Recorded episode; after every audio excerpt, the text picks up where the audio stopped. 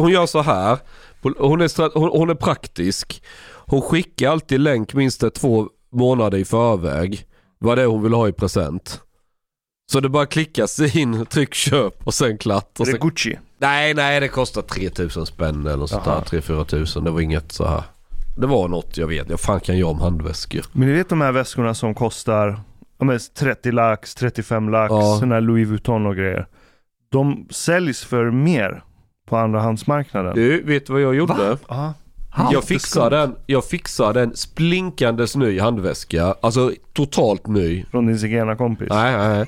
Och jag googlade den. Den kostar så här 40, 45 lax. Mm. Men jag hittade den på pantbanken, fick loss den för 11. Aha. Så jag klappade den direkt, pantbanken i Malmö. Ja. Så uh, det gjorde jag en bra affär. Men vem betalar det för en väska? Jag vet inte och jag fattar inte varför de har ett andrahandsvärde på marknaden. Det make inte sense. Nej. För det är en Han- väska, den slits ju, den borde ju bli repig. Ja men det, det är som med raggarbilar. De var jätte, alltså den bilen Impala jag hade, det var ju en dussinbil. Det var ju en billig biljävel när den såldes. Ja.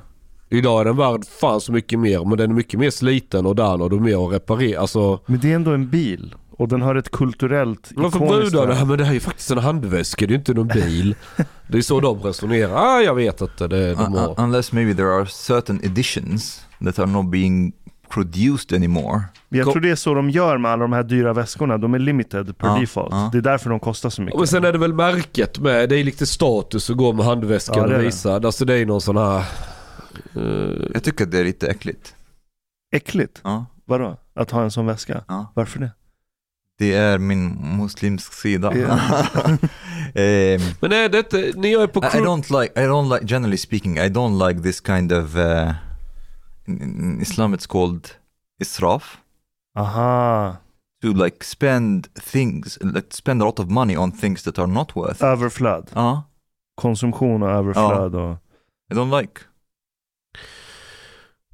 Jag visste att du skulle hitta tillbaka till tro.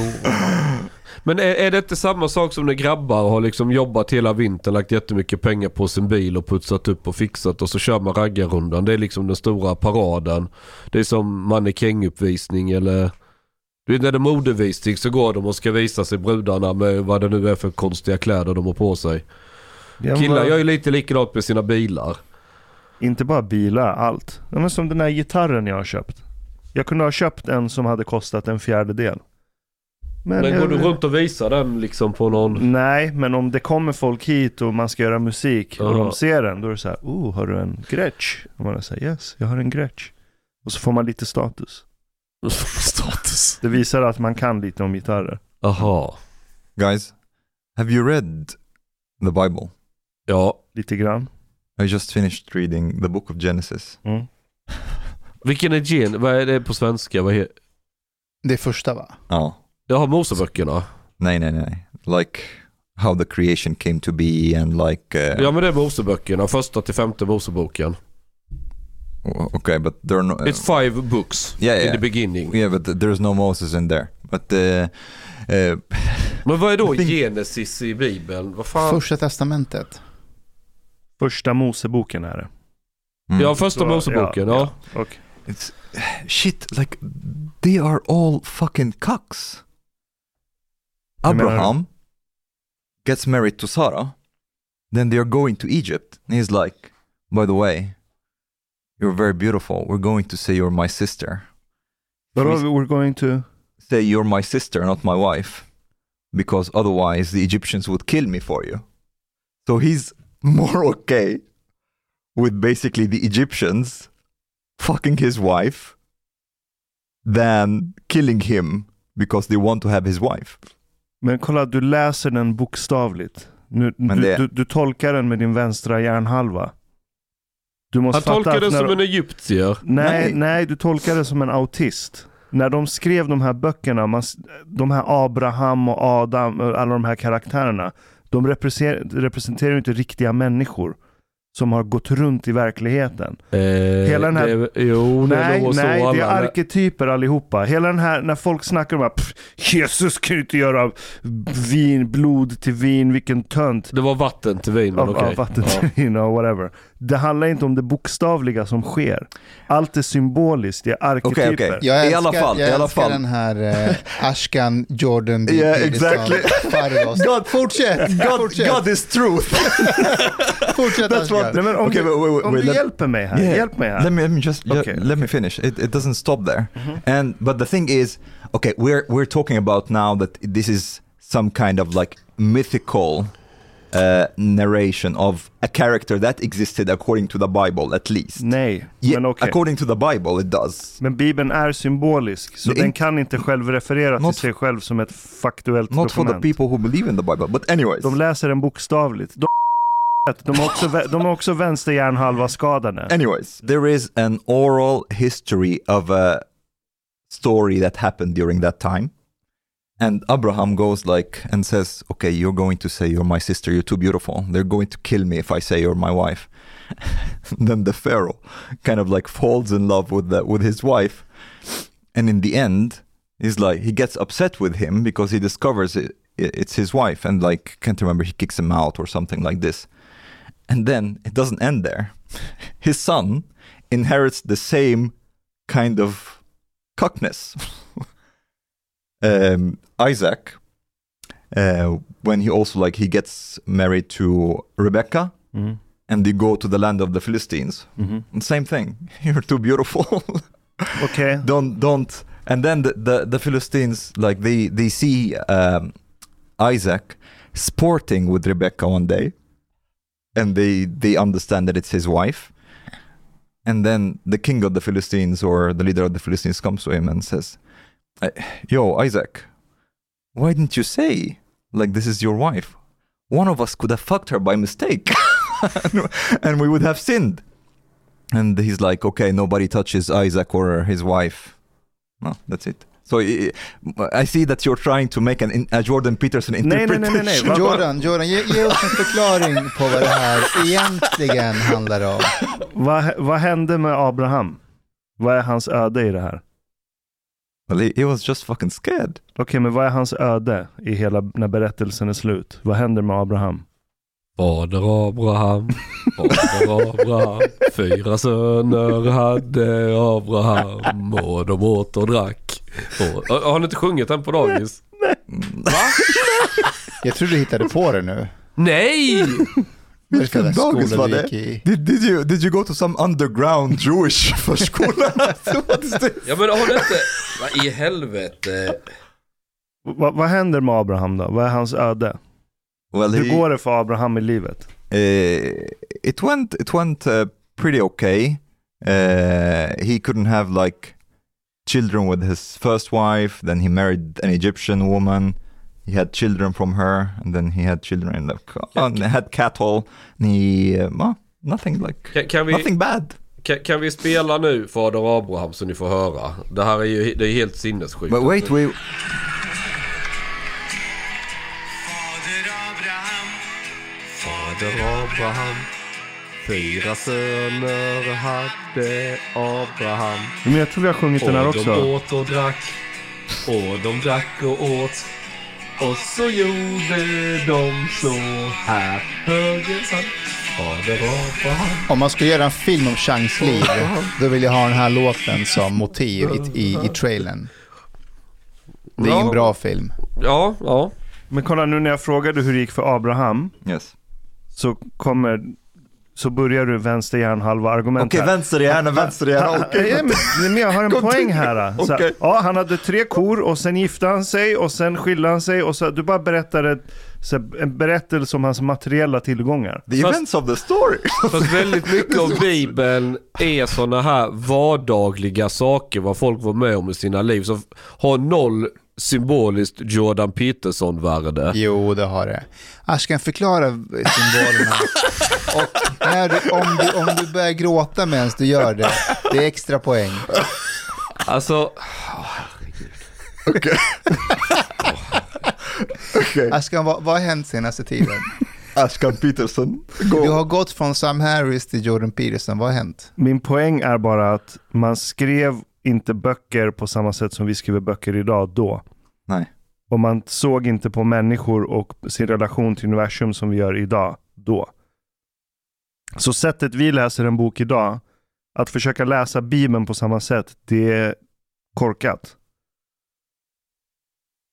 För du försöker leta efter, du, du utgår ifrån att de har samma ändamål med sitt liv som du har. Och så läser du vad de gör i böckerna och vad de säger och så låter det jättekorkat för dig. Okay, but I have a question. Mm. Do you, do you you want to tell me? I understand that there can be some people, but I, I would say a minority of people who would see it that way. Idag, You're telling, or back then, you- are, are you telling me the people back then during that time and the people who even in the Middle Ages were able to like read this text? Nej, det kunde de inte.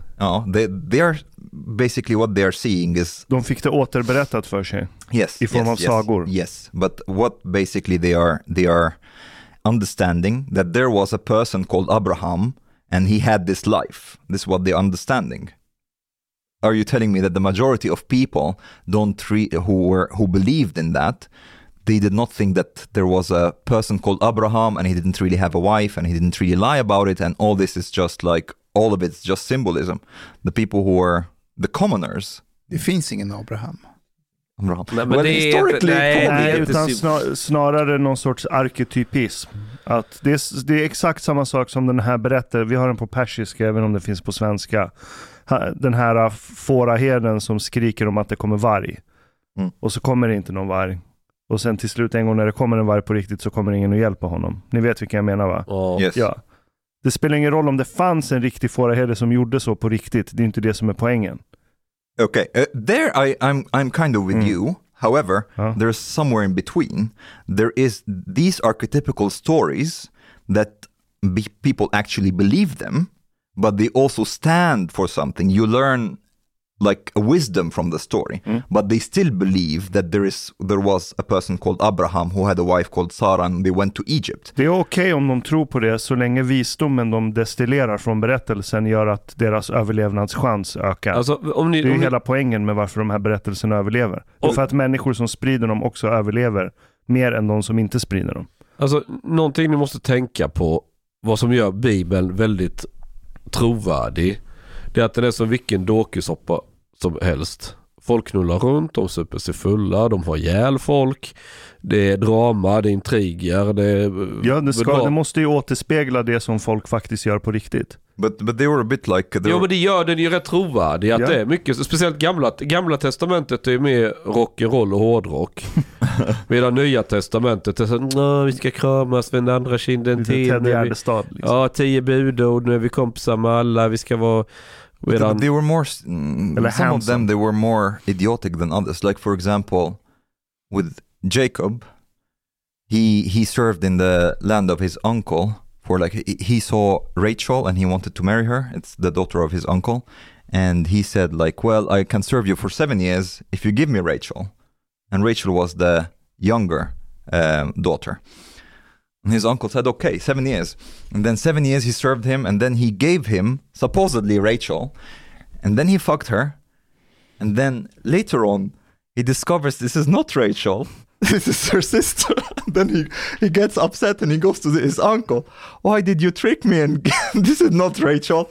After he had sex with her. And he's like, oh yeah, but uh, I will not let you have like uh, I will not marry the younger sister before the elder. So you have to serve me seven more years to get Rachel now. Okej, så vad betyder den här storyn? vad vill Gud säga här? den Någon, som väntar på något gott. Men, och någonting om att hålla sig borta från systrar. And, and, uh, Kanske. look look at the woman before you have sex with her. This is also ni something. vet, en annan grej som står i Bibeln det är att Onan spillde sin säd på marken. Alltså han drog ut den och, och, och kom utanför. Så det han har gett namn åt onani. Tänk att vara den personen. Att minnet efter dig. Du, du kommer sätta ord på detta.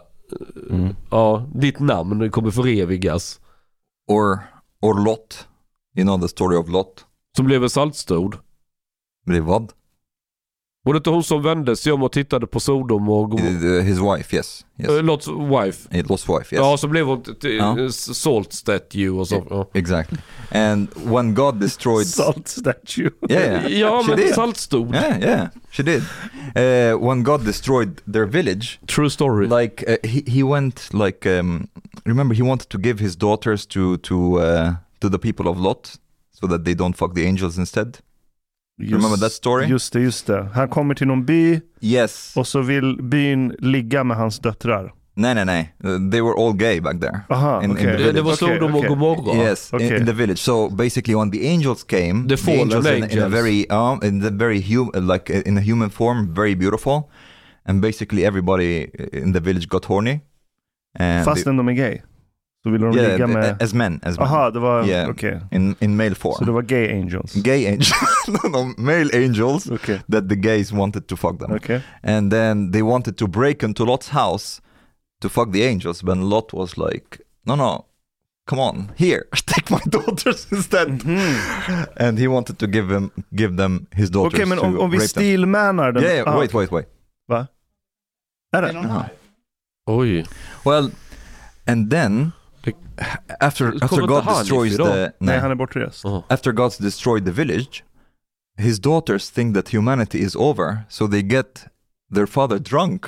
They have sex with him.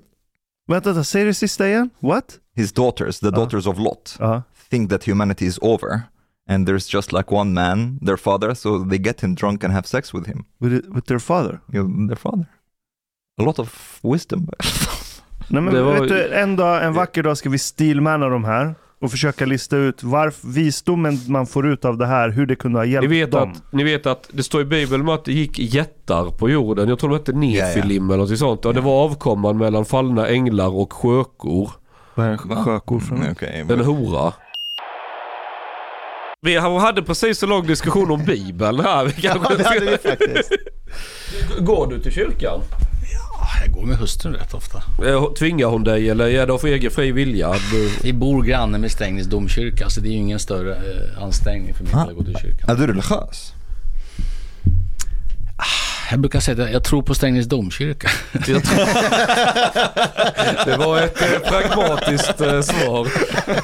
Om man har gift sig i Strängnäs domkyrka och låtit tre barn döpas i Strängnäs domkyrka och, och, och begravt sina släktingar i Strängnäs domkyrka och, och en dag så småningom själv kommer begravas, då gillar man nog Strängnäs domkyrka. Så att, jag är medlem i kyrkan, jag kan inte säga att jag är troende, min hustru är det. Okej. Ja, av, uppenbara, av uppenbara skäl, eftersom hon nu till slut ska bli präst. Hon började plugga teologi när vi var på Uppsala för 30 år sedan. Mm. Okej. Sen så hoppade hon av teologin och gjorde helt andra saker.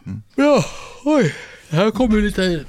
Du ska få lite vatten också. Ja, gärna. Vi hann ju med Almedalen och sen så har jag liksom sjunkit ner i Ide efteråt.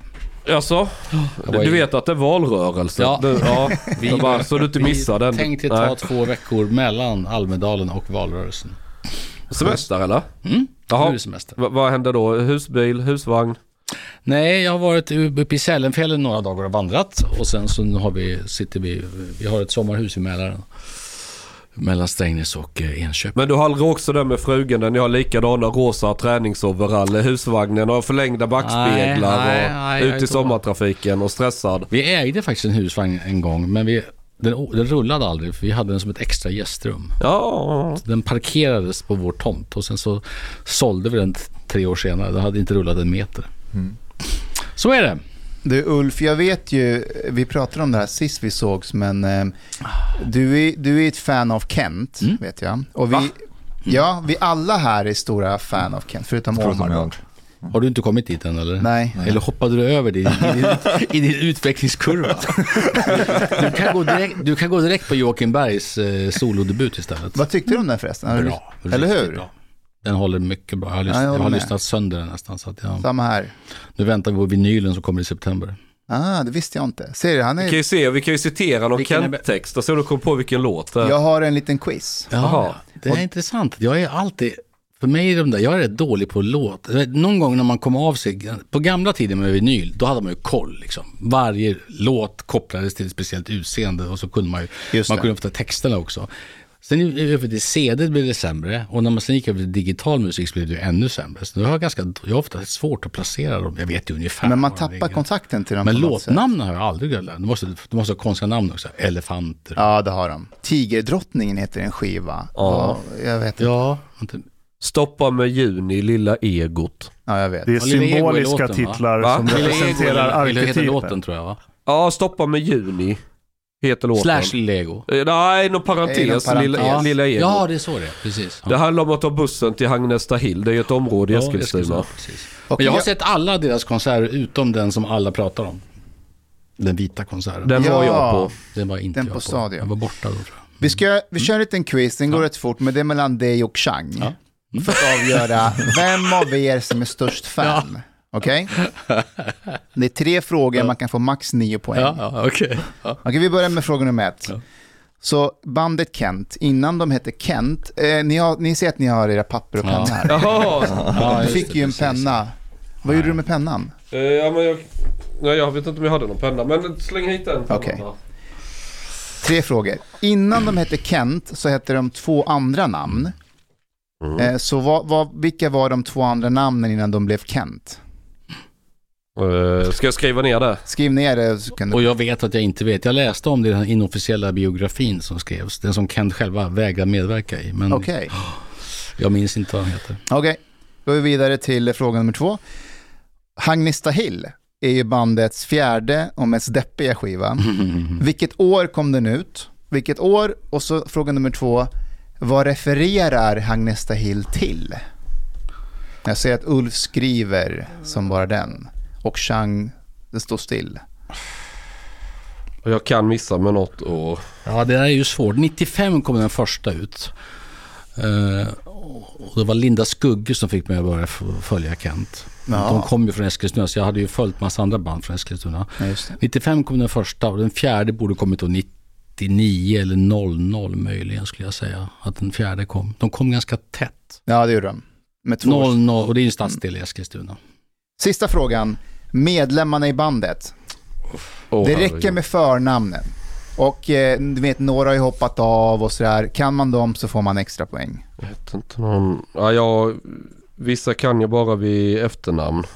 Ja, men det är, det är också kan bara Ja, jag, kom, jag, mellannamn kom på jag kom på tre. Nej, Jocke Berg, Martin Sköld.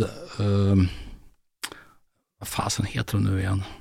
Man får ju skylla på att de har inte funnits sedan 2016 i december. Så Nej, man jag vet. Man får, Men man, var man det inte som hette. Sami eller Jo, det Sami är helt rätt. Ja, Och sen ja. en som hette Ros i efternamn. Jo, Jo.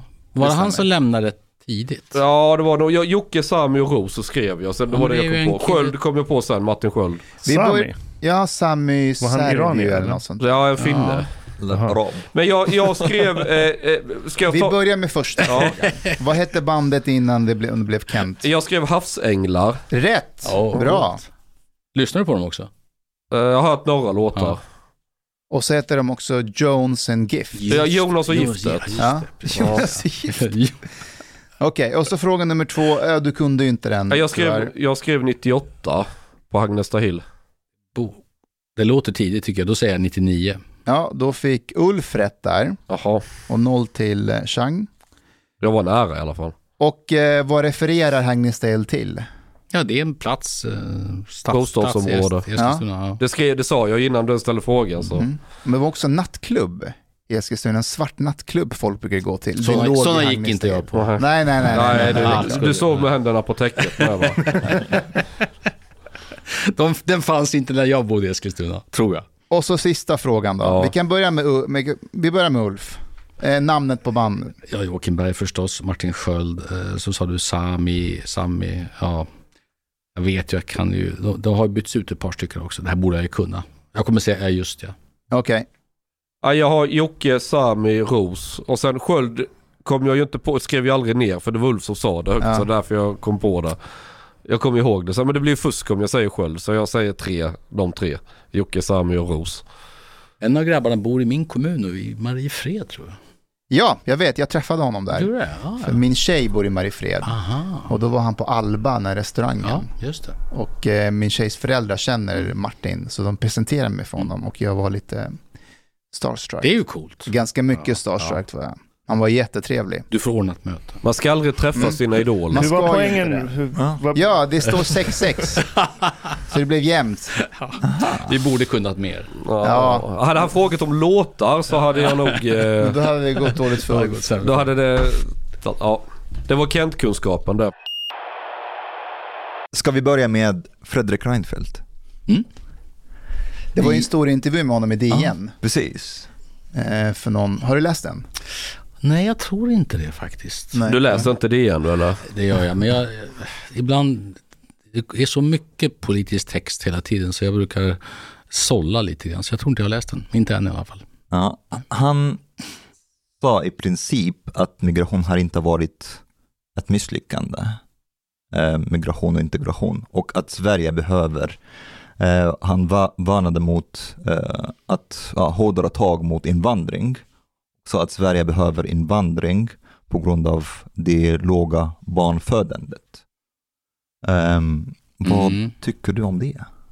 Ja, ja alltså han har ju rätt och fel tycker jag. Han har ju rätt i så vidare att vi, vi behöver ju inte minst på ett gäng kompetenser så behöver vi ju invandring till Sverige. Alltså framförallt fråga techbolagen om vi behöver arbetskraftsinvandring. Programmerare, systemvetare, alltså mjukvaruingenjörer. Mycket, eh, absolut. Och det är klart att Sverige måste vara en plats som man kan komma till och jobba och göra karriär. Det tycker jag är helt självklart. Där har ju Sverige historiskt varit dåliga. Att vi inte accepterar det överhuvudtaget.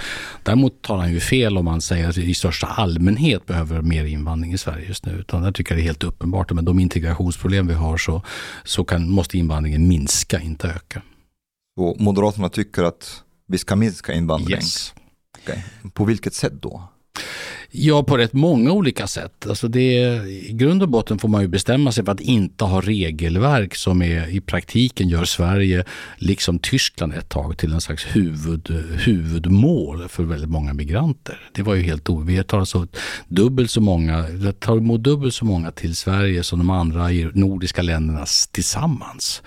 Det beror ju inte på att, att, att Sverige är första asylland eller sånt, bara att många söker sig hit. Sen kan det finnas goda skäl för dem att vilja det. Man kanske har släktingar här till exempel. Så varje gång man, varje gång man har tagit emot många invandrare så betyder det också att i nästa våg så kommer ännu fler tycka att Sverige är ett naturligt land att komma till. Jag har respekt för det, men det kan inte vara Sveriges uppgift i världen. vad, är det för aspekter av regelverket som du menar är fel? I grund och botten är det så här att, att vi ska ha en miniminivå på, på så europeiska miniminivåer. Det finns ett antal konventioner som vi självklart lever upp till som andra länder gör.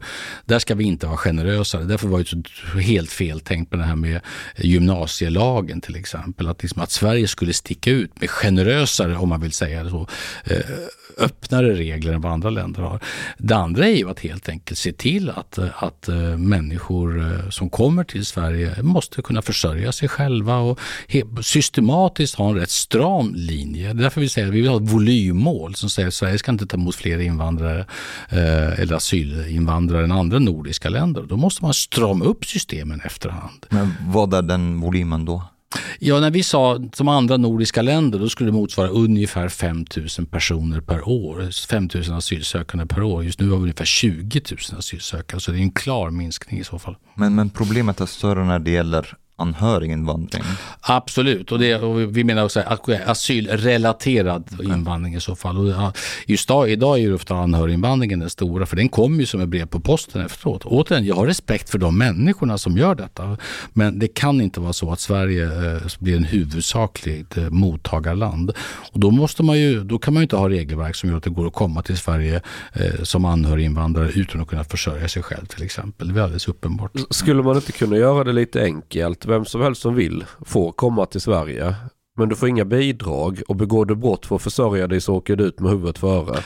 Ja, det, där, det låter lite lättare än vad det är. Jag håller med på den senare delen. Kommer man till Sverige och begår brott, då ska man ut ur landet. Och det tror jag också är rätt många intuitivt håller med om. Att, att eh, är man inte svensk medborgare och begår brott, då finns det ingen mänsklig rättighet att vara i Sverige på något sätt alls. Ja, det, det, det jag tänker det är ju att alla de som ser en framtid Mm. i Sverige och det kan ju vara en individ själv kanske bedöma bäst om Sverige är det land man kanske har en framtid i något Just annat det. land. Och Mm. låt dem då flytta och pröva och funkar det så funkar det annars får de väl testa något annat land. Mm. Men annars blir det ju lätt att man ska cen- centralstyra det där. Vilka ska komma och inte och vilken kvot och hur många. Och... Men det skulle inte vara pragmatiskt alls. Det, alltså, det, som gör mig skeptisk till detta, jag- jag tror att Sverige är ett rätt jämlikt land och även om man kan tycka att det, man vill, en del tycker att Sverige borde bli som ett USA, liksom var och en sin lyckas med och sådär. Men jag tror att i grund och botten tror jag inte det rimmar med den syn de flesta har på det svenska samhället utan vi skulle inte acceptera att det kommer människor i Sverige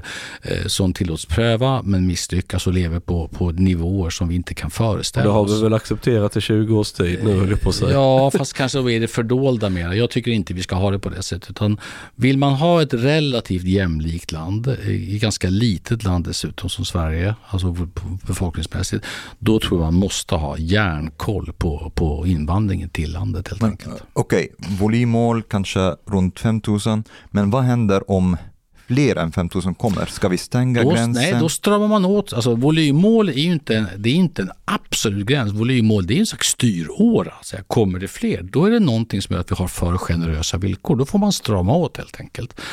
Eh, och det där är inte så rasande konstigt, utan man styr efter några rimliga principer helt enkelt. Så jag tycker nog att det kan inte vara så att det bara blir som det blir. När vi införde den här så kallade rättssäkra asylprövningen i Sverige, då var det ett sätt att göra juridik av alltihop och säga den som lever upp till de formella villkoren får komma till Sverige, den som inte gör det ska inte få vara här. Och sen fick det bli som det blev. Det var inte en hållbar modell, utan man måste också politiskt kunna utkräva ansvar. Vad är en rimlig nivå på invandringen till Sverige? Och under lång tid har vi legat långt över andra länder med välkända konsekvenser, väldigt stora problem. Då måste man lära sig någonting av det och ändra på politiken. Men eh, Storbritannien till exempel Mm. nyligen har försökt i alla fall att skicka alla asylsökande till Rwanda. För att ja, eh, deras asylärenden processeras i, Rwanda och då får de stanna där. Ja, då kan man säga de är ju inte med i EU längre. Nej. Det rimliga är ju att Europa nu, det finns ju stort värde med det vi har i Europa med öppna gränser inom Europa. Ska vi kunna ha öppna gränser inom Europa, då måste man ha järnkoll på gränsen vid Europa. Det är inget tvekan om det, annars funkar det inte. Vi kan inte ha, det kan inte vara så porösa gränser att man kan ta sig in rätt enkelt och sen flyttar man vidare genom Europa till det land man har lust till. Det funkar inte. Utan ska det här fungera, då måste vi ha en gemensam yttre gräns. Den gränsen måste bevakas. Då måste man ha koll på vilka som tar sig in och så måste man ha en gemensam prövning av asylskälen. Jag är inte emot att människor försöker asyl på något sätt. Det kommer alltid behövas. Det kan däremot inte vara så att man väljer att komma just till Sverige om man passerar andra säkra länder på vägen. Om jag. Jag tycker det var väldigt intressant det du sa innan. För att du satte fingret på eh, skillnaden mellan USA och Europa på något Mm. sätt. Att, eh, att USA har tagit, någon här, men vi tar friheten och Europa säger, vi tar jämlikheten. Mm. Alltså att i USA kan du, du är fri och blir du utslaget och fattigt. Det är ingenting man vad ska man säga, oroar sig över Mm. på något sätt. Medan i Europa är det mer att nej, vi, vi gillar inte fattigdom. Och hamnar du där så ska vi dra upp dig. Jag tycker det var ett av de bäst, eller bättre svaren jag hört om varför vi inte kan bli som USA när det kommer till invandring. Att man kan inte bli sin lyckas med om man inte också... Det måste finnas möjlighet att göra rätt för sig. Mm. Nej, men jag, alltså, och, och det är ju inte bara Europa. Sverige är ju inget genomsnitt i Europa. Sverige är ett mycket egalitärt samhälle. Sen kan man tycka att det ibland går för långt. Absolut. Vi har väl alla liksom skojat om den här jantelagen och liksom alla ska vara likadana och vad ska grannarna tycka och sådär. Det finns nackdelar i detta också. Men jag tror att de flesta svenskar gillar, jag gillar Sverige som Sverige är. Jag är inte emot förändring, men det är inte så att Sverige ska bli någonting helt annat. Och därför är jag rätt rädd för de här extrema ojämlikheterna som skapas när vissa människor i praktiken aldrig lever det här illegalt, aldrig kommer in på arbetsmarknaden, lever på en ekonomi som ingen vanlig svensk skulle acceptera. Dessutom i parallellsamhällen, talar inte svenska, eh, överhuvudtaget liksom lever i ett annat land i praktiken. Så tycker inte jag vi ska ha det i Sverige helt enkelt. Ja, en fråga jag funderat som egentligen skulle ställa alla partiledare, det är så här inför ett val. Det har pratats mycket migration. Mm. Men jag ser aldrig en... Alltså, backar vi 10, 15, 20 år så var det alltid valrörelse. Då, då presenterade man alltid en vision. Vad ska Sverige vara i framtiden? Är det industrin? Ska vi vara bäst på något? Eller vad, vad ska vi satsa på? Nu hör jag inte den Nej. typen av, av, av talepunkter. Det där är rätt intressant. Jag har också tänkt en del på det och ibland fått också påpekanden. Varför pratar ni inte den långsiktiga visionen? Och en orsak till det tror jag att vi har så uppenbara och akuta problem just nu. Att det, det hade varit nästan tondövt. Alltså, ah, jag tänker tyvärr inte prata om gängskjutningar eller elkris eller andra triviala problem. Utan nu ska jag prata om mina långsiktiga visioner. Jag tror att intresset för mina långsiktiga visioner, om jag inte ens är kapabel att lösa de stora akuta problemen, är rätt begränsad. Men- det betyder ju inte att man inte ska ha en långsiktig idé. Men jag tror vi måste nu lösa, alltså, vi brukar säga, få ordning på Sverige. Det är en, bara det är ett ganska rejält beting. Min poäng är lite att det hänger ju ihop ju. Ett kärnkraftverk det är inte något du beslutar och så står den där 10 år och sen bestämmer. Det är ju en investering på 50, kanske 80 år. Så att det, det är ju väldigt långa bågar i sådana här grejer som och de problem som är skapade om vi tar elmarknaden som exempel. Och det jag funderar lite, vi har många människor i arbetslöshet, man vill få in dem i arbete, det kommer folk nu, inte jättemycket kanske, men ändå från Ukraina. Jag, jag tog ju själv ett lass på 25 pass, de vill ha jobb. Eh, många andra som, vi har, hur är arbetslösheten? Det är väl bland utrikes födda så är den ganska hög, men, inte, högre. ja, Mm. men inte bland infödda svenskar. Speciellt bland invandrarkvinnor. Eh, Ja, och, och det där är liksom, det är ju som ett inbyggt problem som börjar permanentas. Och jag tänker på 70-talet när, när folk kom, då var det ju direkt in i, det fanns ju inte SFI, du var inne på industrin, du fick jobba och, och så lärde du dig språket, du, fick, du gick till banken, lånade pengar, köpte ett hus och du blev igen i gänget ganska direkt. Det jag funderar är, kan vi komma dit igen på något sätt? Ja, jag tycker din beskrivning är riktig, men alltså jag tror inte man kommer att komma dit. Det är många saker som skiljer. Det ena är bara att det var mycket europeisk invandring på den tiden och dessutom till ett land med en växande industrisektor där det krävdes relativt lite tidigare utbildning för att komma in. Man kunde komma, man brukar skoja så att man kom till Södertälje dag ett och till Scania dag två. Och det kanske är lätt, lätt överdrift, men, men det funkar ändå ganska bra. Idag ser det ju helt annorlunda ut. Mycket asylkopplad invandring, tack så hemskt mycket för kaffet alltså, eh, är, det kan verka konstigt annars. När Ashkan kommer och ställer fram en kopp kaffe till pratar med sig Jo, själv. men alltså, man kommer från ett, ett, liksom ett, ett, ett land med en helt annan eh, tradition och bakgrund än, än Sverige.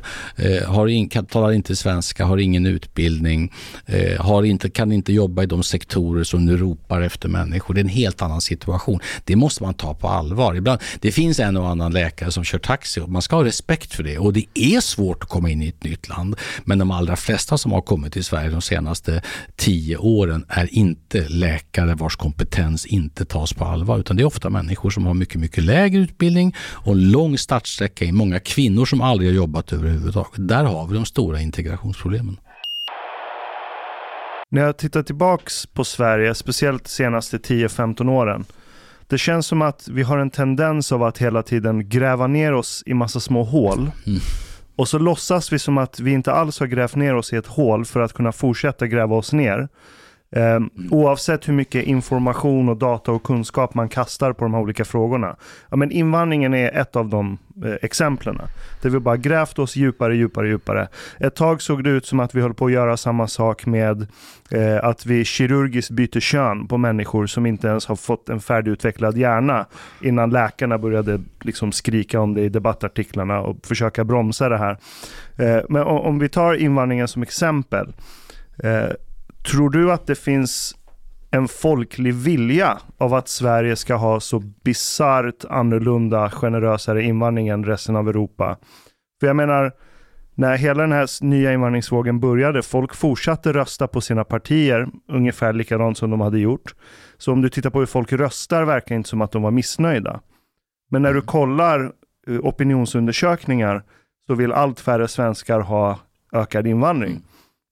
Så vad tror du det är som gör att många politiker driver igenom saker som till synes inte har någon förankring i folkviljan? Och varför blundar vi och låtsas som att vi går in på rätt spår och vägrar erkänna att vi har gjort fel? Så den där frågan, är, jag tror du fattar att den är rätt stor och lite komplex. Därför att det klart, folkviljan, om man bara skulle ha ständiga folkomröstningar om allting, det tror jag inte man skulle kunna driva konsistent politik på. Utan ibland får man nog inte acceptera att, att, liksom att, att daglig opinionsmätning inte är samma sak som regeringens eller riksdagens politik. Det tycker jag. Sen måste blir man ju utbytt om man inte liksom i längden kan, eh, kan svara mot människors eh, förtroende naturligtvis. Men då har ju ändå en poäng i att, att vi ibland tar extremt lång tid till tillnyktring på något sätt. Eller att vi i vissa frågor kan hålla på decennier efter decennier och aldrig liksom lyckats sätta ner foten ordentligt. Där är väl en viss likhet då mellan migrationsfrågan och kanske energifrågan. Vid 40 år har vi hållit på att harva med kärnkraftsfrågan. I 40 år. Så att eh, så var, olika länder har väl sina så här känsliga frågor misstänker jag. De kan nog variera från land till land ärligt talat. En del frågor är ju inte alls, menar, ta, ta i USA finns ju frågor den ständiga vapenfrågan i USA som verkar ju helt barock för, för svenska, eh, från svensk horisont sett. Eh, skulle ju inte drömma om att ha den sortens politik eller ständig diskussion om dödsstraff och saker. Liksom, vi är liksom, det är en icke-fråga i Sverige. Det är klart att vi inte ska ha dödsstraff, självklart inte. Så i olika länder är olika länder, saker känsliga. Men Men kemisk kastrering av våldtäktsmän. Ja, och det är ju en behandlingsmodell som faktiskt eh, finns eh, och som jag tror man, man ska kunna använda sig av också. Men min poäng är väl att säga att, att, att det finns nog lite trånga åsiktskorridorer i Sverige. Och det, så jag vet inte jag om de är värre i Sverige, eller om de bara är annorlunda. Det, det kan jag inte bedöma. Ja, det är ju kräver svårt nästan att kartlägga. Men jag menar, är, det den politiska processen, är det där någonstans det skaver? För jag menar, och nu menar jag inte, jag håller med dig, man kan inte ha en folkomröstning om varje fråga, Mm. absolut. Men just invandringen, den är så tydlig, för man kan se att den breda majoriteten vill inte alls ha den sorts invandring som Sverige har drivit de senaste 10-15 åren. Ändå så verkar de som sitter vid makten eh, anse att nej, men det här är en bra strategi att ta. Och så lyckas de ändå vinna val och till och med hamna i regeringsposition. Fastän de går tvärt emot den breda Ja, folkviljan. och det är ju då ytterst ändå tecken på att även om människor kanske sa att de tyckte någonting annat så fanns det en tolerans ändå. Annars hade man ju inte röstat på partierna. Så Ja. det är klart att ytterst i en demokrati är det ju alltid folkets både, folket har rätt men det är också folket som bär ansvar. Så det är liksom, man kan inte komma runt detta. Utan, men jag tror att sådana här saker korrigerar sig till slut. När problemen blir tillräckligt stora i en demokrati, då sker en korrektion helt enkelt. Då kan man inte komma undan saker och diskutera sakerna ordentligt. Jag tänkte innan nämndes åsiktskorridor hur, och hur, de, hur en sån uppstår. Är det medierna som, som liksom sätter upp de här väggarna eller vad, vad sker det? Är det på ledarplats? Är det Sokolnicki på DN? Är det Jag tror inte jag kan Anders. Lindberg på Aftonbladet? Eller? Jag tror inte jag kan bedöma det bättre än du, men det är klart att det, är klart att det kan inte vara mediernas fel. Medierna har ju inget monopol. Men hur, hur mycket på när du är partiledare Mm. för Moderaterna och aspirerar på att bli nästa statsminister. Mm. Hur, hur mycket påverkas du när det drar igång ett så kallat drev? Sossarnas tankesmedja har smitt ihop något nytt elakt rykte och ska tuta i väljarna. Ja, jag tror att man påverkas mindre idag, för så många medieklimat, eller medielandskapet är så annorlunda. Man, när vi säger och tittar på er var barn, jag lite, ja, vi har lite olika år när vi var barn, men alltså när det fanns, när det fanns två kanaler på tv, inget internet och, och ett fåtal eh, papperstidningar, det är klart att då var nog medieklimatet i den meningen mer homogent skulle jag tro. Idag finns det ju en podd för varje specialintresse, minst. Så att den som är verkligen intresserad av någonting kan ju fördjupa sig med helt oberoende medier idag. Så jag, jag tror att man får också ha lite, man får lite grann se skogen och inte bara varje träd. Utan liksom, att det är klart att i ett land som Sverige, som jag sa, är ett ganska jämlikt land där många har relativt snarlika uppfattningar om saker och ting. Det är klart att det finns alltid finns en risk att man blir alltför snäv. Så kan det ju vara. Du kan åka till Danmark så tycker de att vi har ett snävt samtalsklimat i Sverige. Ni vågar inte prata ut ordentligt, säger de på sin danska och, och det är inget beröm. Tvärtom tycker de att vi liksom är för... Och sen kan vi ju bli helt förbluffade över andra länder som vi tycker hetsar upp sig. Titta på brittisk politik som ibland framstår som helt obegriplig. Mm. Jag tänkte fråga dig, ehm, det blir alltid oundvikligt när det kommer till val och så, Mm. men ehm, jag har noterat hur ni förr pratade om Sverigedemokraterna, om varför de inte skulle vara med i regeringsställning mer. Mm. Och då har det handlat mycket om deras rötter. Eh, nu märker jag att ni pratar mer om att de inte är borgerliga eller regeringsvana. Mm, och det står ju inte mot varandra i och för sig, men, eh, men tonvikten kan säkert uh, ha Men det känns som att det är lite närmare nu på något sätt. Alltså Mm. rötter och värderingar är nog ganska, då, då kan man inte prata om någonting, men regeringsvan kan man ju bli och, och röra sig mer åt ett borgerligt håll är ju Mm. möjligt. Mm. Hur, eh, hur står ni kvar vid det fortfarande? Och, Jag tycker man kan resonera kring den frågan lite olika linjer. Alltså rötter är ju rötter. Alltså både Sverigedemokraterna och Vänsterpartiet, det råder ju ingen tvekan om, har ju, har ju problematiska rötter. Det är ju väldigt uppenbart. Det tror de själva, båda partierna skulle hålla med om dessutom. Det kan bara de själva ansvara för, och bearbeta, diskutera. Det är deras ansvar. Det tycker jag nog också att de båda partierna, eh, det är klart att de båda hellre fokuserar på framtiden än på, på det förflutna. Det hade jag nog också gjort om jag hade haft eh, eh sådana rötter. Men, men det måste de ta ansvar för. Jag tycker inte att det, alltså att tycka att de har rötter som är sunkiga står ju inte emot att kunna göra upp i frågor där man tycker rätt lika. Och det är därför, och jag ska inte dra parallellen för långt mellan Vänsterpartiet och, och, och Sverigedemokraterna, för de, det tror jag skulle förolämpa dem båda och det är inte min avsikt. Utan att säga att i enskilda sakfrågor har vi gjort upp med Vänsterpartiet där vi tycker lika. Sen tycker vi mer lika i många fler frågor med Sverigedemokraterna.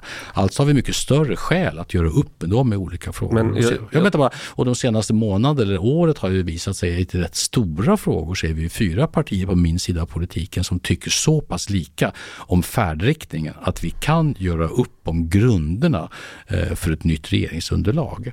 Men sen har du ändå en viktig poäng tycker jag. För den här regeringsfrågan, när man ställer det på sin spets, vilka ska sitta i en regering? Alltså inte bara stödja eller samarbeta, sitta i en regering. Då ställs det rätt speciella krav. Då ska man kunna enas om precis allting. 10 000 beslut varje år. Förlamas de besluten, då får man ingenting gjort i en regering överhuvudtaget. Där är det viktigt att man inte har de vana av att ha samarbetat. Sånt kan ju ändras i framtiden någon gång. Men jag tycker att det där har ändå rätt stor betydelse ska jag säga, när jag tittar på vilket regeringsalternativ vill jag erbjuda. Jag, jag tänkte, man pratar om det här med rötter. Skulle man titta på Centerpartiet och gå tillbaka en bit i tiden så skulle du ha samma diskussion där. Jo, nej, men då är det, det är klart att det finns... Någonstans har det ju hänt någonting Absolut. där man inte ser Precis. Centerpartiet Det så längre. Ja, men det, finns, det, det finns sådana historiska, jag tycker inte riktigt snarlika ska jag ändå säga, men det är klart att i nästan varje parti finns det någonting rätt problematiskt Ja. Vi hade ju ett ungdomsförbund som vi skildes åt från på 30-talet som vi inte ville ha att göra med längre. Och socialdemokratin hade ju sin, sin kamp mellan, liksom, mellan den demokratiska vägen och den andra socialistiska vägen. Så, att säga. så visst är det så, men jag tycker ändå i relativt modern tid så har både Vänsterpartiet och Sverigedemokraterna en, en, ett historiskt bagage som de har skäl att, att, liksom, att göra upp med och, och som jag tror att de tar på allvar medan de samtidigt mest blickar framåt. Men om, om vi stannar vid, vid SD lite. Eh, in, f, eh, jag tror att det var, ja, inte för, för, inte för länge sedan, eh, ni och du tror jag Mm. har sagt att ni kommer inte samarbeta eller förhandla med SD.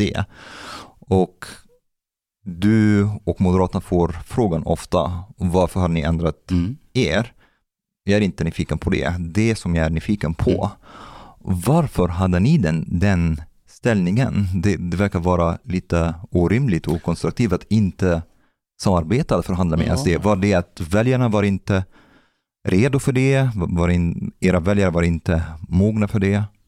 Ibland får ju uttalandet lite mytiskt. Liksom, alltså, den där uttalandet, det vet ju alla som var med då inför valet 18. Det var fyra dåvarande allianspartiers gemensamma ståndpunkt. Det var hela förutsättningen för detta. Ehm, och jag, jag hade inga problem så här. Det var fyra allianspartier som söker gemensamt mandat för fyra år sedan. Eh, och det var själva villkoret. Sen kan man diskutera hur smart var det att inte, att, inte ens då, att inte ens då göra upp med ett antal frågor där man hade kunnat göra gemensam sak. Det tycker jag så här i efterhand är, det är en mycket rimlig kritik. Men det var, det var inte Moderaternas ståndpunkt, det var den gemensamma alliansståndpunkten. Sen hände det ju saker efter valet som jag tycker, jag har, inte, har inga som helst problem med att motivera att vi sen drog en annan slutsats.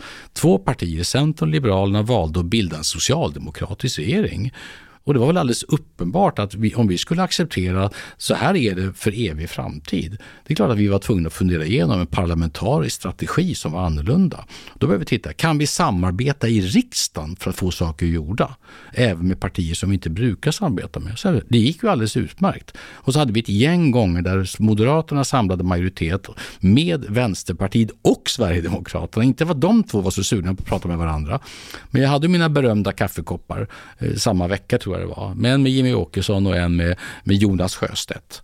Eh, och konstatera att vi kan vara fredsmäklare i olika frågor där de inte själva skulle kunna eh, bilda majoritet. Sen var det så här att det som hände i de här decemberöverenskommelsen och januariavtalet, det var ju också, det blixtbelyste ju att man kan alltså inte avtala bort demokratin i ett fungerande demokratiskt land. Man kan inte låtsas som att, eh, alltså att majoriteter som egentligen finns inte existerar och det Mm. blev ju helt uppenbart också. Men, men kan det finnas en, en scenario i framtiden Mm. där SD ingår i en moderatledd regering? Jag tänker inte blicka, just nu står vi två månader före ett val och just nu i det här valet är det helt uppenbart och jag tänker bilda en borgerlig regering med borgerliga partier som har samarbetat med varandra tidigare och som är beredd att bra och respektfullt samarbeta i riksdagen med alla partier, inte minst med Sverigedemokraterna. Det tycker jag att jag möter viss respekt för. Jag tänker inte blicka liksom 4, 8, 12 år framåt. Det beror också väldigt mycket på hur, hur kommer det fungera att samarbeta? Socialdemokratin var ju många år bortskämda med att ha maj, egen majoritet eller nästan egen majoritet. Det var ganska enkelt. Om du har 48 procent och så har du någon som har 4 och så är allting klart. Liksom. Så kommer det inte se ut längre. Utan nu kommer vi ha minoritetsregeringar som måste kunna skapa parlamentarisk majoritet i riksdagen. Och det, den hantverksskickligheten, den har vi på min sida. Det har inte den andra sidan. Det är min bestämda. Jag har en fråga som gäller. Um, Okej, SD ingår inte i en regering. Men sittande regering har ju något som heter utnämningsmakt. Det är massa statliga myndigheter och statliga verk och allting. Och jag vet ju att SD internt ser ju att där skulle de vilja vara med och få in sina gubbar. Hur ställer du dig till det? Är den dörren öppen för SD? Alltså, det, det funkar, alltså få in sina gubbar så tror jag inte man, ingen, man ska inte tänka så. Och, och den om man tänker så, då, då tycker jag, och det har ju Socialdemokraterna ibland tänkt så, att nu ska vi få Ibland. in våra gubbar. Så, ibland. Jag tänker alltså inte missbruka regeringsmakten, varken å egna eller andra partiers vägnar, utan jag tycker regeringsmaktens integritet, den statliga offentliga maktens integritet, jag pratade om det i mitt sommartal på Almedalen här, om tjänstemannaansvaret, ämbetsmannaansvaret i Sverige, där sätter jag väldigt högt. Det ska inte politiseras. Däremot är det ju inte så att bara för att man har SD-bakgrund är man ju inte på minsta sätt diskvalificerad. Det ska man inte vara på något sätt. Vi vill ju också behandla SD som alla andra partier i riksdagen inför förra valet. Och det vägrar de andra partierna då att göra. Det tycker jag var helt fel. Så- Man ska behandlas på, på rätt sätt, på ett schysst sätt som alla andra. Och så möta samma krav på kvalifikation som alla andra. Så det är ingen omöjlighet att SD kan vara med och påverka om det ska utses till exempel en ny rikspolischef eller? Nej, så kommer det inte funka därför att regering, alltså regeringens eh, integritet kommer jag hålla hårt på. Regeringen fattar regeringsbeslut, riksdagen fattar riksdagsbeslut. Sen måste varje regering i längden vara respekterad av riksdagen. Om jag skulle bilda en regering som systematiskt misskötte sig eh, även i Sverigedemokraternas ögon, då skulle de ju avsätta den regeringen.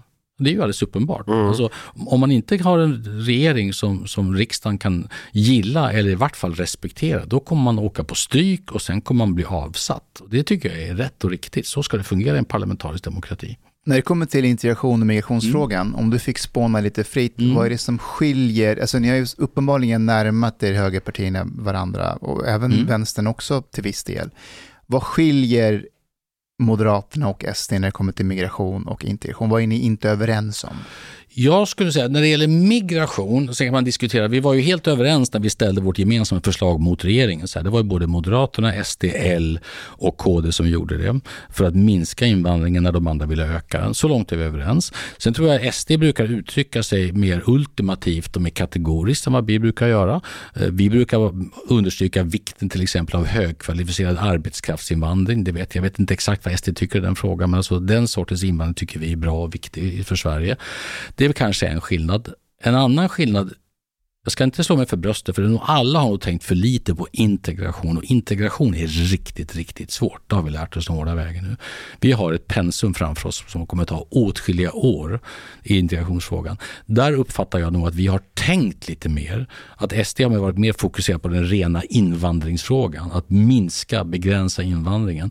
Jag tycker vi dessutom ska tänka på, nu har vi flera hundratusen personer i Sverige som inte på flera år har kommit in i vårt samhälle som inte talar svenska, som inte har basal utbildning, som lever i parallellsamhällen. Det måste vi göra någonting åt. Och där tänkte jag ställa en fråga som jag brukar ställa till parti, eh, partiledare och det ska bli intressant att se Mm. hur du tänker där. Jag, jag delar bilden av att vi har problem och utmaningar framför oss, men om vi leker med tanken att eh, vi hade haft lika hög invandring till Sverige som vi har haft nu, men att många av dem hade haft ett jobb, kan prata svenska, hade kunnat göra rätt för sig, inte belastar systemet, inte utmanar det svenska. Hade Moderaterna eller du tyckt fortfarande att invandringen hade varit för hög till Sverige? Det beror lite på andra konsekvenser. Jag, jag tycker att, du, alltså att människor talar svenska, jobbar, försörjer sig själva, det är ingen liten sak. Så brukar Fadimes pappa jobbade också. Okej, vi säger så här, inga gängskjutningar som vi Mm. ser, inte i den hög grad, inga hedersförtryck som, som utmanar Mm. det svenska, men fortfarande rätt hög invandring. Låt oss säga att det är övre medelklass från eh, Mellanöstern och Afghanistan Mm. och så, iranier som kom för, för, för under shahens tid. Hade, hade, fortfarande, hade invandringen fortfarande varit för hög? Det är ju en svår fråga att svara på ska jag säga. Det är klart att det, om ett land inte uppfattar några problem eh, som har med, med, med, med integration eller multikulturalism att göra, har man inga sådana bekymmer, alltså don't fix it if it ain't broken. Men har man bekymmer med att det bildas framförallt ett samhälle som är ganska van vid att vara jämlikt och, och kan man till och med tycka lite eh, enhetligt. Eh, vill man ha ett sådant samhälle, då ska man nog tänka igenom ganska mycket hur många människor i vårt samhälle är kapabelt att, att integrera. Men det är väl alldeles uppenbart att det är lättare om det är människor som har utbildning, som kan få ett jobb och försörja sig och lär sig gemensamt språk. Det är väl alldeles uppenbart. Men det är lite där jag har min tes om, om vad det är som händer med Mm. integration och migrationsfrågan är att jag ser det som att alla partier idag, mer eller mindre överens om att okej, kommer man till Sverige ska man lära sig svenska språket, man måste ha ett jobb att gå till och inte utmana det svenska och sköta sig. Men att för ett parti som SD, som jag ser det, så räcker inte det. För om alla är överens om den frågan, vad är det som gör dem så speciella då? Ja, men det, det är bättre att du pratar om SD, om, om SDs sådär roll i svensk politik. Jag tycker att det är uppenbart att de tidigare än andra partier såg betydande risker med invandringen. Bara, liksom, låter bara alldeles uppenbart och sagt i klartext också. Eh, nu är det så, då måste vi lösa de problem vi har just nu. Då måste man dels lägga om politiken, alltså ändra, så ändra på politiken i Sverige. Redan det har visat sig svårt. Sist vi fattade migrationsbeslut i Sveriges riksdag, då ökade de invandringen måste vi ha klart för oss att det står ändå olika alternativ mot varandra. Sen tror jag ju som sagt att jobba, eh, försörja sig själv, tala svenska, det är en väldigt bra grund. Men jag är också rädd för, jag är rädd för så att säga, parallellsamhällen som i praktiken lever ett helt annat... Jag, jag ju, har min bakgrund i socialtjänst i politiken. Jag har träffat väldigt många socialsekreterare som i praktiken säger att vi har en första och andra klassens system för, för barn som far illa. Med mycket högre tröskel när det gäller en del invandrarfamiljer. Alltså de, där framförallt flickors rättigheter till eget liv inte alls bevakas på samma sätt som, som svenskfödda barns eller barn till svenskfödda föräldrar rättare sagt. Så kan vi inte ha det i längden. Det, det, är liksom, eh, det finns säkert länder som accepterar att man har helt olika regler för olika etniska grupper. Det ska vi inte ha i Sverige. På tal om eh, parallellsamhällen. Eh, året är 2022 Mm. och i år så har vi haft, haft i snitt en skjutning om dagen. Mm. Var fjärde dag så skadas någon Mm. som resultat av vapen. Och var femte dag så dör en person som resultat av vapenvåld. 35 hittills i år, eller 30, jo, 35 tror jag det är. Och det är några till som har lagts, lagts till på den listan sen senaste rapporten. Mm. Eh, har vi vänt på alla stenar eller finns det stenar kvar att vända? Och vilka är de i så fall? Nej, det där stenvändandet tycker jag det är rätt provocerande. Att man först liksom, jag, har ju sett, jag säger inte att allt det här är Socialdemokraternas fel, det säger jag faktiskt inte. Men att de senaste åtta åren har varit en katastrofal utveckling, det, råder, i- det räcker att se på statistiken. Att då de sista månaderna kommer på att nu ska jag börja vända på stenar, det tycker jag är rent provocerande. Nej, stenarna är absolut inte vända på. Sen har jag respekt för alla de poliser som säger att det här är ett jättejobb. Alltså ett jättejobb att göra någonting åt detta. Eh, och att det måste göras många saker samtidigt med betydande energi och en blandning mellan mycket hårda tag och långsiktiga mjuka förebyggande saker. Men gör man inte allt det här samtidigt, då är man chanslös skulle jag säga.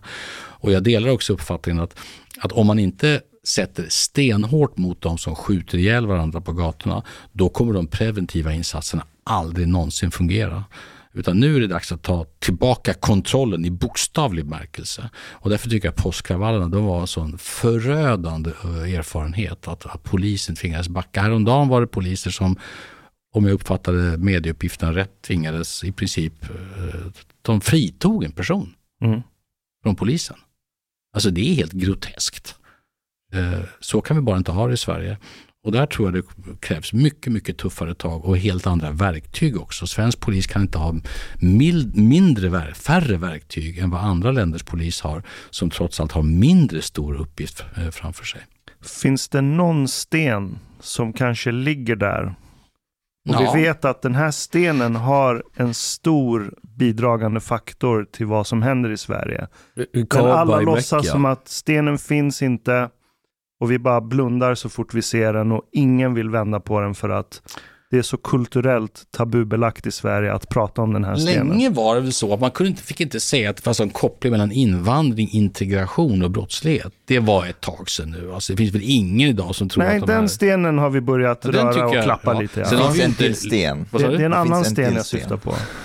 En annan, st- ja, jag tycker en sån sten skulle vara, eh, vi pratade på under för en stund sedan, alltså utvisning. Alltså att utvisa människor ur riket som inte är svenska medborgare men som begår brott eller som finns i gängkriminella miljöer. Det tycker jag är en sån sten. Där vi inte, vilken vänstersten tänker du på? Den- Nej, men den, den stenen har ni belyst och det ska ni ha cred för. Och jag är glad att vi kan prata om många av de här Mm. problemen på ett helt nytt sätt idag. Stenen jag syftar på det är att ehm, det omsätts cirka 150 ton narkotika i det här landet. Tio gånger mer än vad man trodde utifrån de här gymnasieundersökningarna. eh, vi har en eh, vetens... Hög sten. Mm. Det är en väldigt hög sten. och, och En vi, stenad sten. Eh, Och, och, och vi har ju tack och lov i väst en vetenskapskår som har börjat undersöka eh, narkotikans effekter på samhället. Och det har ju visat sig nu, tycker jag, svart på vitt, att svensk narkotikapolitik går emot ja, men vetenskapliga skråets konsensus kring hur vi bemöter narkotika i det här landet. Um, så, så det är den stenen jag syftar på. Och jag, jag kommer ihåg när jag själv var inom akademin och doktorerade och där var de högre ställda karaktärerna, rektorerna och prefekterna. De gillade alltid när det blev en blå regering. För att blå regering, de brukar ge mer anslag till hård vetenskap. De brukar inte ge så mycket anslag till flumvetenskaperna. Så man gillade blått inom akademin.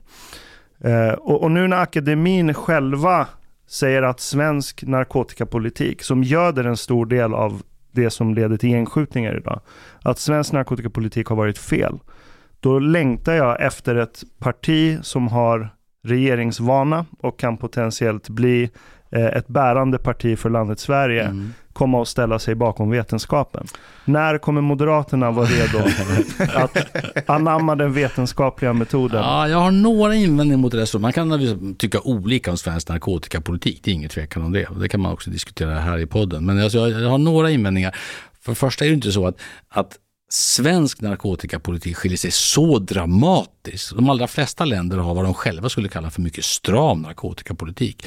Du kanske kan det vetenskapligt bättre än jag, men jag, min bild är inte att det finns en slags samlad, entydig vetenskaplig uppfattning av vad som är rätt narkotikapolitik. Det uppfattar inte jag. Sen är ju svensk politik snäppet stramare än vad många andra länder har. Det är ingen tvekan om det också. Vad som ändå gör att jag ifrågasätter detta det är att nästan alla länder i Europa skulle säga att de har problem med narkotika på olika sätt. Givet deras egen historia och givet vad de själva tolererar. Men i de flesta länderna leder det inte fram till den här groteska dödliga gängkriminaliteten som i Sverige. Så om det bara vore så att Sverige hade de här problemen, alltså att, att alltså, narkotikaproblem finns bara i Sverige men inte någon annanstans, då hade jag förstått resonemanget. Men de här problemen finns i nästan alla länder. Fast Sverige sticker ju ut avsevärt. Vi har Europas högsta narkotikadödlighet. Och, och vetenskapliga skrået har faktiskt en konsensus kring vad som är fel politik åtminstone. Och det är den politik Sverige har fört. Och vi sticker verkligen ut i Europa. Om vi tittar på andra länder som Portugal, Tyskland, Norge har börjat prata om det. Kanada har lämnat det här för länge sedan. Flera delstater i USA har lämnat det här för länge sedan. Så det finns ju en tydlig rörelse mot någonting nytt. Ja, Vad hade uh, Muff Ulf sagt? jag hade nog, I den frågan hade jag nog sagt samma sak tror jag faktiskt. Alltså jag, jag, jag, jag ser inte... Jag ser... Här, den grundläggande frågan, är det det här som är orsaken till att det skjuts ihjäl människor i Inte Sverige? Jag orsaken. Inte, Ja, inte men alltså, grundorsaken. poängen är att rycka bort marknaden från de här. Men Jag den förstår det. den Jag, stora jag förstår det, men av- då ska, man ju, då, ska man ju, då ska man ju då ska man ju gå väldigt långt i så fall. Och det, då ska, man ju, ska man ta bort marknaden helt och hållet och göra allting lagligt, då pratar vi om en helt annan narkotikapolitik. Den skulle jag absolut inte vilja förespråka. Men är inte det i linje med fri företagsamhet, grön politik Men, men vänta, och... vänta. Den, den stora delen är fortfarande, kommer från cannabis. Jo, precis. Ja. Ja. Så, så om, vi, om vi har en möjlighet Mm. att slå mot eh, den basinkomsten för gängen, varför inte? Ja, och jag har, inte, jag har inte hört någon som säger att därmed skulle allt annat försvinna automatiskt. Vi kommer i så fall alltid, det finns ju, det finns ju en, en, en ständig olaglig efterfrågan på narkotika i de flesta länder och den tar sig fram på olika vägar. Men jag har väldigt svårt att se att lösningen på detta skulle vara att av, av, för att kunna slippa ifrån att man bekrigar varandra och bara släppa allting löst. Det tror Det skulle vara en del. Sen vet jag att olika länder har olika uppfattningar om, om en del eh, narkotika och där är Sverige stramare. Men jag har inga planer på att ändra på den politiken. Ska vi behålla Systembolaget? Ja, det där är ju en ständig, någon slags mera eh, näraliggande frihetsfråga. Men det är klart att i, idag skulle ingen komma på att uppfinna Systembolaget, det skulle väl ingen göra. Men jag är tillräckligt pragmatisk för att tycka att är det ett stort problem? Nej. Funkar det hyggligt bra? Ja. Så att, men det är klart att jag, jag skulle heller inte uppfinna Sk- Skulle Muff-Ulf säga samma Nej, sak? jag hade nog sagt att det är en viktig frihetsfråga. Jag tror, jag det, jag tror det, jag tror det. Och jag, jag vet inte, jag, så länge Systembolaget i Strängnäs är tillräckligt bra så tycker jag inte att det, jag kommer inte lägga det högst på min lista i vart fall. du, du tror på domkyrkan och på Jag Systembolaget? tror, ja, fast kanske i lite olika avseenden. Men, men alltså jag har fått större respekt för att länder har lite olika, alltså dels så här, länder har kultur, tradition och en del är lättbegripliga, andra är lite mer svårbegripliga. Systembolaget har ju en sån väldigt, alltså det finns ju så historiska rötter bakom detta. Det i sig räcker ju inte för att behålla det. Men om det inte är stort bekymmer så lägg då ner din politiska kraft på saker som är större bekymmer. Men när jag har löst mina första hundra problem, då lovar jag att titta på även Systembolagsfrågan. Har, har du varit i Christiania någon gång i Köpenhamn? Nej, jag har faktiskt inte det. Det kanske är därför du har så negativ inställning till Ashkans. Du kanske Ja, ja. provar. Eh, Olika länder har olika traditioner. får jag fråga Man får ju ta seden dit man Ja. kommer så. om man tänker på det kortsiktiga Mm. kring de här gängskjutningarna vi ser nu, Mm. det är en sak att prata om det, men om man pratar långsiktigt, Yes. för att komma åt de här parallellsamhällena, ehm, arbetslösheten som finns där och så vidare. Om, om det skulle innebära att man tittade mer på hur Sverige blev Sverige under 30-talet med Gunnar Alva Myrdal, där det Mm. var en ganska hård hand Mm. som pekade och, och staten var väldigt involverad Mm. i hur människor, Mm. som, som, man, som de sa, borstar tänderna och äter tomater.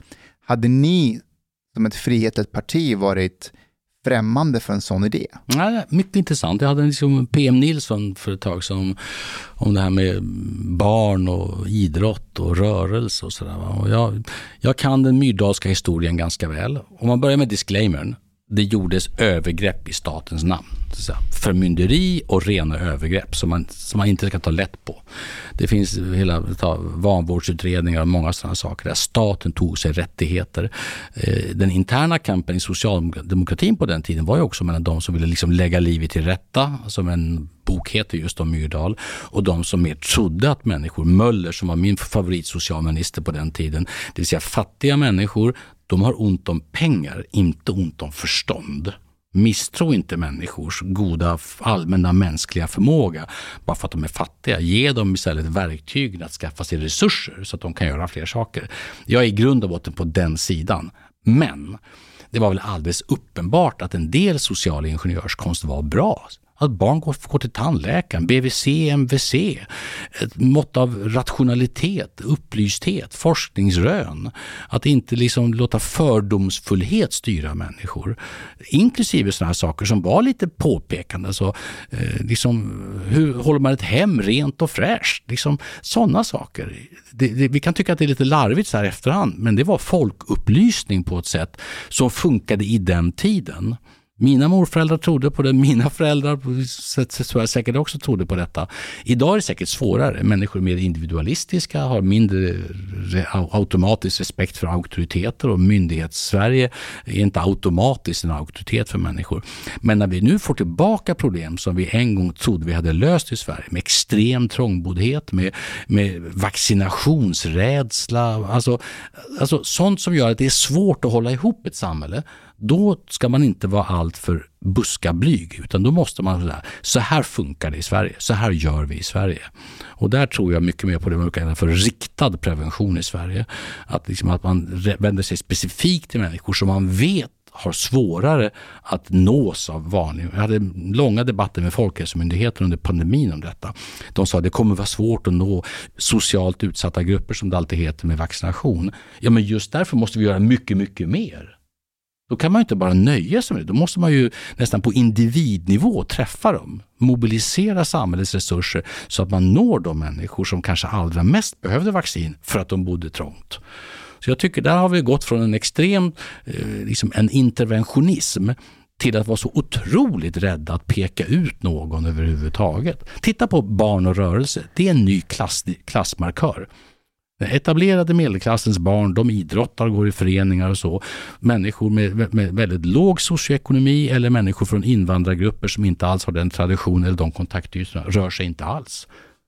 Det måste man våga prata om. Men hur, jag tänker en anledning till att man kom åt det på 30-talet, mm. det var att det var ett väldigt homogent land. Mm. Hur gör man det idag?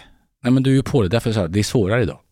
Alltså det är ett, ett homogent land med väldigt mycket auktoritetstro eh, är det mycket lättare också att, att lyckas, kanske också lättare att missbruka det, som vi såg i ett antal fall också där staten verkligen klev in med full kraft och, och tycker jag missbrukade sin ställning gentemot människor. Men det är mycket svårare då. Man måste vara mer fantasifull. En sån sak är naturligtvis att, att, gå via, att, att gå via människor som är goda auktoriteter i olika grupper i samhället. Det är väl alldeles uppenbart att det ska man, ska man nå människor som brukar heta som har låg tilltro till offentliga myndigheter, ja då måste man ju hitta människor som åtminstone har en fot inne i det svenska majoritetssamhället så kan bli en rimlig liksom, tolk på vägen så att säga. Jag har ju låg tilltro till svenska myndigheter. Ja, ja, ja, ja precis. Jag har inte så låg tilltro men jag är rädd för en situation där vi i praktiken låter lagens lagens bokstav gälla bland de människor som litar på myndigheter men inte bland de som inte litar på myndigheter. Du har ju polis, polisiär erfarenhet, men det här med att, att liksom ytterst måste polisen vara en myndighet och en uniform. Det kan inte ytterst vara en förnamn som jag ska gilla för att jag ska lyda polisen. Så kan det inte vara. Socialtjänst, det kan inte vara så att man ska lita på socialtjänsten för att respektera att socialtjänsten griper alltså in i familjer som missköter sina barn. Det är inte en optional fråga utan det är liksom en tvingande sak. Jag, jag tänkte på en grej som en tendens jag har sett är och det här är ju en kritik egentligen mm. mot nuvarande regering, Socialdemokraterna. Det är att man använder myndigheter och det offentliga liksom för egen politisk agenda. Dan Eliasson blev rikspolischef. Han är, ingenting, alltså, han är bara en vandrande katastrof mellan myndigheter och sådär ju. Men, men att man använder, man, man väver in någon slags ideologi ibland eller någon... Jag, nu, jag hade ett exempel i huvudet och så försvann det. Förstår du vad jag menar Mustafa? Nej. Men, ja, men, här kommer ingen räddning. Ja men, ja, men så här. Man bildade Segerstedt-institutet och gör, så, så, man ska forska jättemycket om rasism och grejer och sånt. Men man lägger knappt någon forskning på varför blev det gängskjutningar. Utan man, man väljer liksom det man vill prata om och så strösslar man pengar åt det hållet. Och så får man journalister och media att prata om någonting så det ska se ut som ett större problem som man vill ha diskussionen på den planhalvan där man vill vara. Tänker du på regeringens nya storsatsning mot rasism? Eh, Ja, där har du ett typexempel. Men det, vilken det, var det? Jag... Det är ett stort paket där man ska göra citattecken ny forskning, slutcitat, på orsaker till rasism. Och då hänvisar man till tidigare så kallad forskning som kommer från Länsstyrelsen i Stockholm. Där det är egentligen aktivister som sitter och skriver rapporter om att eh, ja, det finns antisvart rasism i Sverige för att folk med viss hudfärg inte har lika mycket chefsposition och så vidare. Mm. Och det här använder regeringen som underlag för att mobilisera ny forskning mot rasism. Mm. Vilket är, jag, jag, jag, Bullshit. jag har ja, sett det är nedvärderande för det första men också brutalt skatteslöseri skulle jag säga. Mm. Men häng- hänger du med Ulf på vad jag menar? Jo, att man använder Du liksom... tangerar den här frågan som jag tror jag nämnde för en stund sedan också. Att myndighet i, en, i ett land som Sverige så måste ju myndigheter, det måste bygga på, på, på kompetens, det måste bygga på att man följer lagen. Alltså, lagen är ju ytterst riksdagen som, som stiftar. Myndigheterna ska liksom lyda lagen. Myndigheterna ska inte vara aktivister. De ska vara ansvariga för sina beslut och sådana saker. Och där tror jag vi, utan att romantisera, att vi ändå hade ganska länge en väldigt stor respekt för ämbetsmannaidealet i Sverige. Att, att man, man skötte, man var lite fyrkantig kanske, men man var ohyggligt rättvis och, stram i sin regeltillämpning. Ganska långt ifrån det här lite smidiga. Man var inte heller särskilt mån om att lyssna på vad politiker för stunden ville. För, för den svenska förvaltningen inte gjort så, utan då får man ha en annan förvaltning på där man byter ut alla myndigheter. Så har vi inte i Sverige. Jag är lite rädd för ett läge där, där medborgarna tappar förtroendet för hur myndighetsbeslut fattas. Vi kan ta ett annat exempel. Vi har skenande elpriser. Mycket var ju, vi har stängt ner två kärnkraftverk i Ringhals. Ehm, och detta föregicks ju, det fanns ju en intern utredning som Expressen publicerade. Den var lite hemlig och så kom den ut att de här skulle vara lönsamma. Det visste man ju internt och man skulle kunna driva dem i många år till. Och så har det då beskrivits som ett politiskt spel har jag läst och att det handlar bland annat om att återigen, vi har en rödgrön regering som utnämningsmakt och då kan de påverka styrelsen i Vattenfall. Och så har de fått i, Miljöpartiet fått in en av sina gubbar. Eh, Eller kvinnor. Och, och, och jag kommer inte ihåg, ja skitsamma. Men, men så lyckas de liksom den vägen trycka på och så blev det liksom då att man lägger ner. Jag har ju pratat med en del chefer på Vattenfall som bekräftar den här bilden. Ungefär så. Ja, Ungefär så. och, och, och då menar jag igen liksom att man använder den här och, och, och så ska det ut och heta men de är inte lönsamma och det här har inte framtiden till och det, vi, vi, ska ersätta det här med vindkraft och sen går det som det går. Men min, min poäng är liksom att det har blivit en, jag håller med om att det för 20-30 år som man har kanske större respekt för det där att låta Vattenfall som kan sina saker, låta dem sköta det och så får andra sköta politiken. Ja, men jag, jag, jag delar nog i grova drag den bilden. Både att politiken borde givit fan i att lägga sig på det sättet och, och, och någon slags informell maktutövning. Och, och, och företag och myndigheter borde då bevaka sin egen integritet och inte bry sig om detta. Sen är det här ju svårt. För människor är känsliga för signaler och sådär. Men jag, jag tycker att eh, om det har gått till ungefär som det ofta beskrivs, jag har ungefär snarlik bild som du har, då är det bara fel. Så ska det inte gå till. Och så, jag vill inte bilda en regering som sysslar med den sortens låtsaspolitik. Utan politiken ska vara transparent, den ska vara tydlig. Sen ska man förvänta sig att myndighetspersoner inom lagen gör sitt allra bästa för att följa den lagen. Skulle det behövas någon mer check and balance på sånt? I USA har man konstitutionsdomstol där man kan Ja. riktigt nagla fast om man missköter. Precis, och det är ju den klassiska kravet. Och där, där har ju Sverige gått nästan motsatt väg och man vill ha liksom så, så flexibla eh, regler som överhuvudtaget är möjligt. Det, det tror jag är riskabelt. Jag, jag tycker även det här med som sagt ämbetsmannaansvar och, och, och, och ehm, är också ett sätt att bara liksom understryka att under lagen så är du personligen ansvarig för de beslut som fattas. Och den här ständiga kurragömmaleken när ingen verkar kunna reda ut vem är ansvarig. Varför har vi passkaos? Vem fattade besluten eller avstod från att fatta besluten som gör att vi har det här kaoset? Och det är alltid helt ogreppbart i Sverige. Det finns aldrig någon som avgår och säger jag gjorde fel, jag tar mitt ansvar, jag avgår. Det händer aldrig i Sverige nästan. Det är som Nygeman inte hittade mötesrum i Nej, men under, Transportstyrelsen. under precis Transportstyrelsen. Ja. Men de hade ju inget mötesrum. Det är ju Nej, men det är ont liksom- om lokaler. Till slut blir det ju larvigt när den yttersta makten i ett land inte ens kan liksom klara av mest... Sen blir det ju farligt också. Vi pratar ju ändå om nationella kriser som kan bli riktigt, riktigt allvarliga. Jag har en fråga till Ja. dig Ulf. Eh, nu är det ju snart val. Mm. Och jag har alltid undrat varför har Moderaterna så svårt med att nå ut med sin politik till människor som bor i särskilt socialdemokratiskt utsatta områden? I socialdemokratiskt utsatta områden. Om du går in på val.se och kollar Skäggetorp så kommer du notera en trend som även Ja. finns i Järvaområdet. ja. Och i många av de områdena. Ja, det är väl två problem. Det ena är att människor röstar i mycket lägre omfattning i största allmänhet. Men de många, en, orimligt hög andel som röstar, röstar på Socialdemokraterna. Jag tror man kan inte skylla ifrån sig, utan det är väl antagligen så att alla partier, alltså de människor man träffar, för så vitt man inte stöter bort människor man träffar, de människor man träffar och pratar med har man större chans att nå fram till. Och så vi måste ju vara bättre på att vara där och att träffa människor som, som vi vill eh, ska rösta på oss naturligtvis. Det tror jag de flesta partier skulle hålla med om ungefär så. Och varför sen Socialdemokraterna eh, har högre röstandel, det finns säkert många olika spekulationer om detta. Jag har ingen mer vetenskaplig förklaring på den frågan.